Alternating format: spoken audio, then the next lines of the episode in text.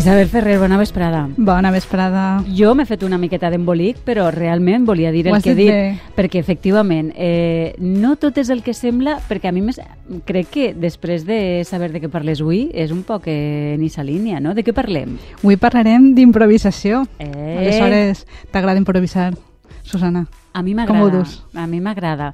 Però, mira, recorde quan estudiava, eh, són 4 anys de carrera i se't queda gravat mm, un 0,1%, doncs aquest 1,1 aquest 0,1% m'ha servit molt i era un professor que em va dir mireu, la millor improvisació és aquella que està ben, prepa ben preparada. Sí? Doncs Sí? justament parlarem d'això. Veus? de doncs això se'm la va quedar improvisació gravat. no és el que sembla. I, clar, improvisar en música, primer ho hem de definir perquè no és tan fàcil com pareix. Eh, la primera cosa que li diria a qualsevol persona és dir que és inventar sobre la marxa, però Mm. això no té ni massa sentit ni molta gràcia. Molts músics es quedarien sense faena. Jo mateix, que cant de fatal, podria, dir, podria fer ara mateix uns refilets, que és en valencià gorgoritos, en castellà... Refilets, m'encanta. Sí, refilets. Sí? I dir que estic improvisant, però, bueno, Mm, potser no seria exactament música o... no seria exactament música. Aleshores, eh, podem dir, per, per arribar a un acord, que quan parlem d'improvisar, en la immensa majoria de vegades, han de coincidir un parell de factors. El primer és la voluntat de fer-ho. Sí, Clar. que no siga una casualitat, perquè si no, no té gràcia. Mm.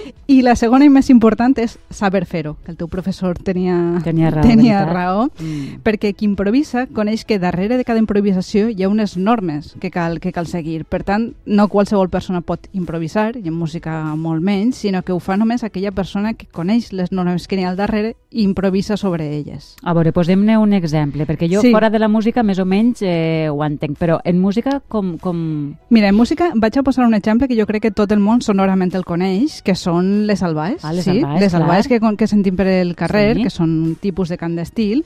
Totes les albades tenen una estructura que és sempre igual i per això les reconeixem tan fàcilment. Mm. que és que comença una dolçaina en una melodia i aleshores hi ha dos personatges que segur que heu vist pel carrer. Un és el versaor, Sí. que és la persona que fa els versos, òbviament, i l'altre és el cantaor, que és el Mhm. que canta, n'hi ha un o dos cantaors. El versaor, sobre la marxa, inventa els versos, eh? se'ls inventa en aquell moment, els improvisa, i té com una sèrie d'informacions que li han donat sobre els personatges a qui se fa l'albà i els inventa en aquests moments, seguint unes normes. Els versos sempre tenen el mateix número de síl·labes i el mateix número de, de, de el mateix tipus de rima. Ahà. Este tipus de vers el diu el cantaor. Sí, i aleshores els, els cantadors fan com dos estrofes, una que tots coneguem, que tots ens sona, i la següent, que és més lliure, que són el cantaor improvisa seguint unes normes. Si voleu, sentim el final de la primera estrofa i el principi de la segona. Vinga, va. Sentim-ho. Un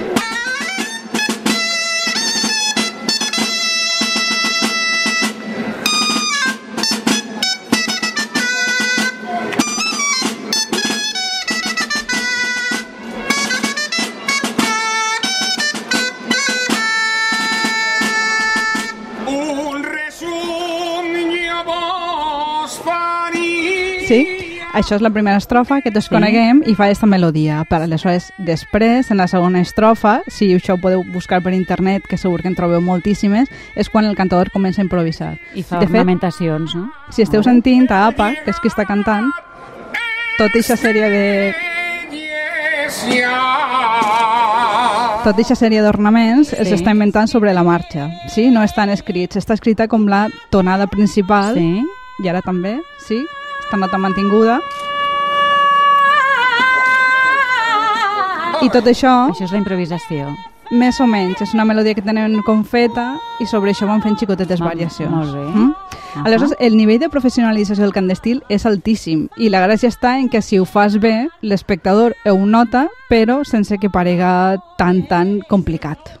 Mm. Clar, eh, i això és la gràcia de fer les coses fàcils. Darrere hi ha Exactament. una dificultat eh, Molt important. gran, sí, sí. I de què servís eh, exactament, aleshores, improvisar? Improvisar té una funció social, no improvisa qualsevol persona. De fet, quan improvisen els cantants els estem com donant la veu un poc de la comunitat, no? Reconeixem aquesta capacitat Ah. quan els estem escoltant.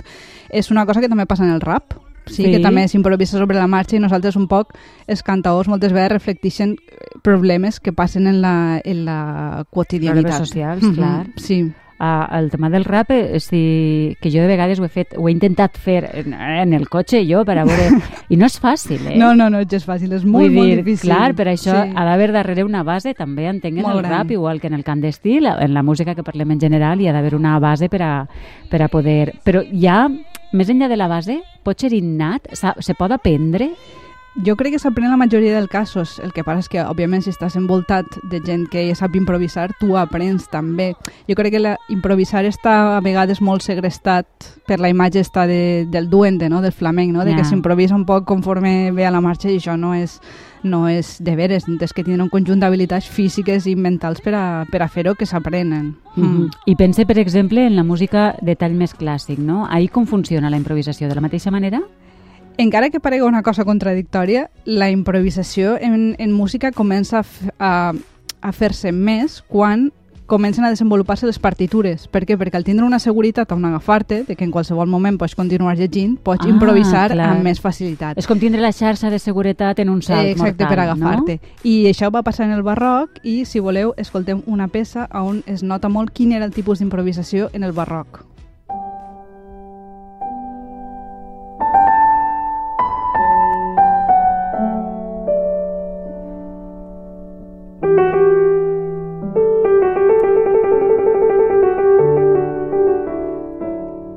Tot Sí, això jo és crec que notes sí, ràpides. ràpid, això és la improvisació, no? Tot, És tot la... això són ornaments que Sí. estan mig escrits però que depenen totalment de l'intèrpret en cada moment. N'hi ha que ja són per tradició, se fan perquè sempre s'han fet aixina, però eh, tota la música al barroc està absolutament plena d'aquestes notetes xicotetes que són improvisades. Ah, és fascinant. Sí. És Bach, no? És Sí, això és les Bach, variacions de Goldberg. Sí. Eh, clar, quan més sapú, més capacitat té d'improvisar. Sí, de fet, el que varen fer és aprofitar això d'improvisar i varen crear més posteriorment en el temps una forma musical que se diu aria da capo, que està justament basada en la improvisació. Té tres parts. En la primera t'expliquen una melodia, en la segona la canvien i en la tercera te fan la mateixa que la primera, però en xicotetes modificacions que són improvisades. Això ara, si voleu, podem escoltar-ho en una peça que segur que coneixem, que és l'àrea La Shakiopianga de l'òpera Rinaldo de Händel. E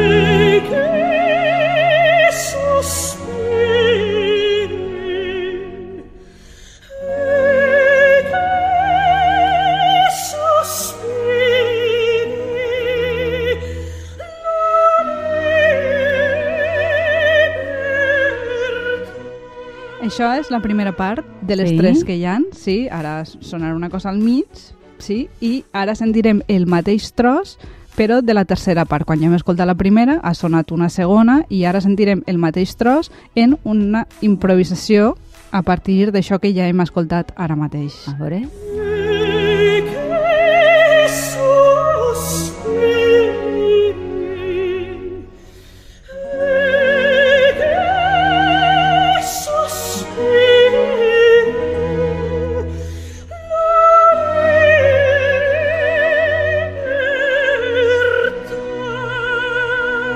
És subtil realment, però s'aprecia.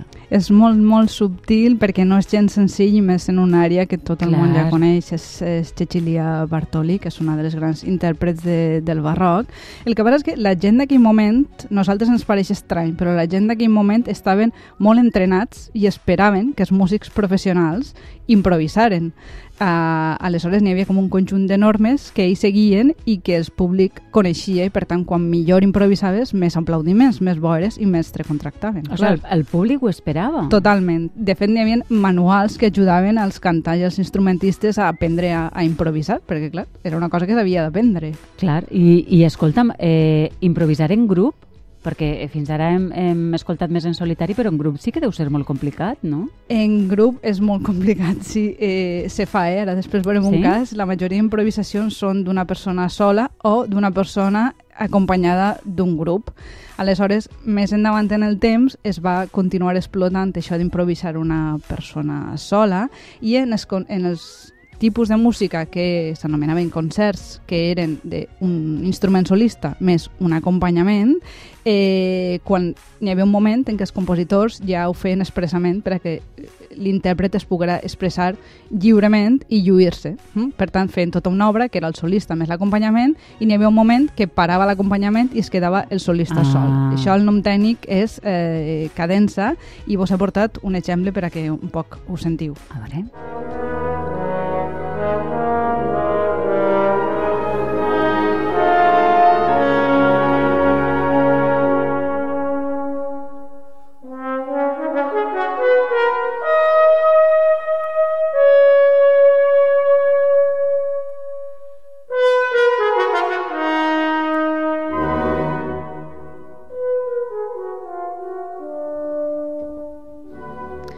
Això és el concert per a trombó de Rimsky-Korsakov Mhm. i, i si heu sentit a tota l'orquestra per darrere, això és el director que fa com una indicació perquè Clar. en realitat està l'instrumentista sol.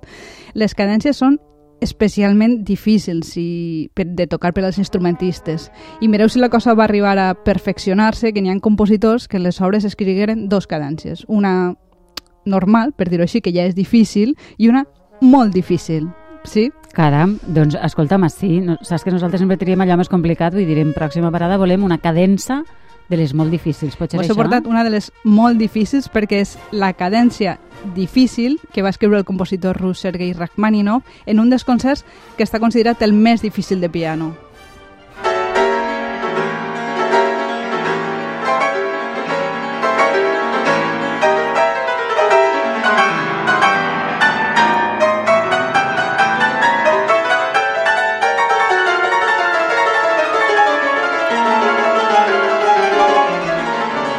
Crec que estem d'acord que no voldríem... Tu no ho sé, jo no voldria estar en la pell No, no. del, o la Jo pianista, tampoc, no? perquè a més Rachmaninov media dos metres i les mans les tenia dos metres. Aleshores, Caram! la cadència està feta per una persona que té una, un xicotet Unes mans considerables. Sí, Escolta'm, sí, en- encara hi ha eh, formes d'improvisar actualment? sí. sí, en dos mons, un ja l'hem mencionat, que és el món del rap, i un altre és el món del jazz, on es fan moltes jam sessions. Ah, clar, clar. Expliquem, Isabel, què és una jam session. Potser hi ha algun oient que no, que no ho té clar. Una jam session, una jam, per abreviar, és un encontre informal que fan els músics de jazz normalment de forma periòdica. Això, Mhm. queden per a, per a tocar, cada persona que, que sap tocar aquest instrument, clar, porta, porta el seu, i aleshores tenen un conjunt de peces que tots coneixen, que s'anomenen estàndards, i dins dels estàndards n'hi ha parts on toquen tots, i després, en un determinat moment, que tots coneixen, cada instrument sol comença a improvisar seguint unes normes que ells coneixen i que la resta de mortals en són molt difícils de,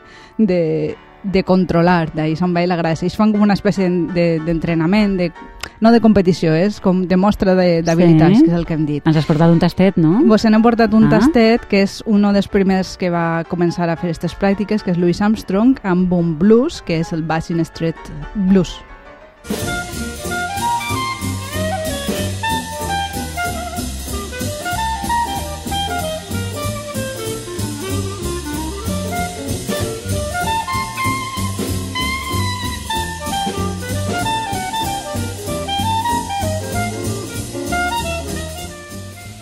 Ai, quin bon rotllo em dona a mi sempre aquestes sessions, de... jam sessions, sessions Sí. de jazz d'improvisació. Desconeixia absolutament eh, tota la complicació que hi ha darrere de les improvisacions musicals. Evidentment ha d'haver una base i una formació Sí. en tot, en tot. Sí, no se'ns per a- ensenya molt, eh? això ho raonen moltes músics. Sí? que... No s'ensenya? No, no, actualment encara en els plans d'estudi no es contempla molt i és, i és, una, és una cosa que s'hauria de potenciar, clar, per a Doncs fomentar sí. l'expressivitat i l'agilitat mental. Clar, i la creativitat i la llibertat creativa, Mm, també, no? Tan sí. important. Que bé, com sempre, un plaer. Isabel, gràcies. Bona vesprada. Gràcies a vosaltres. Bona vesprada.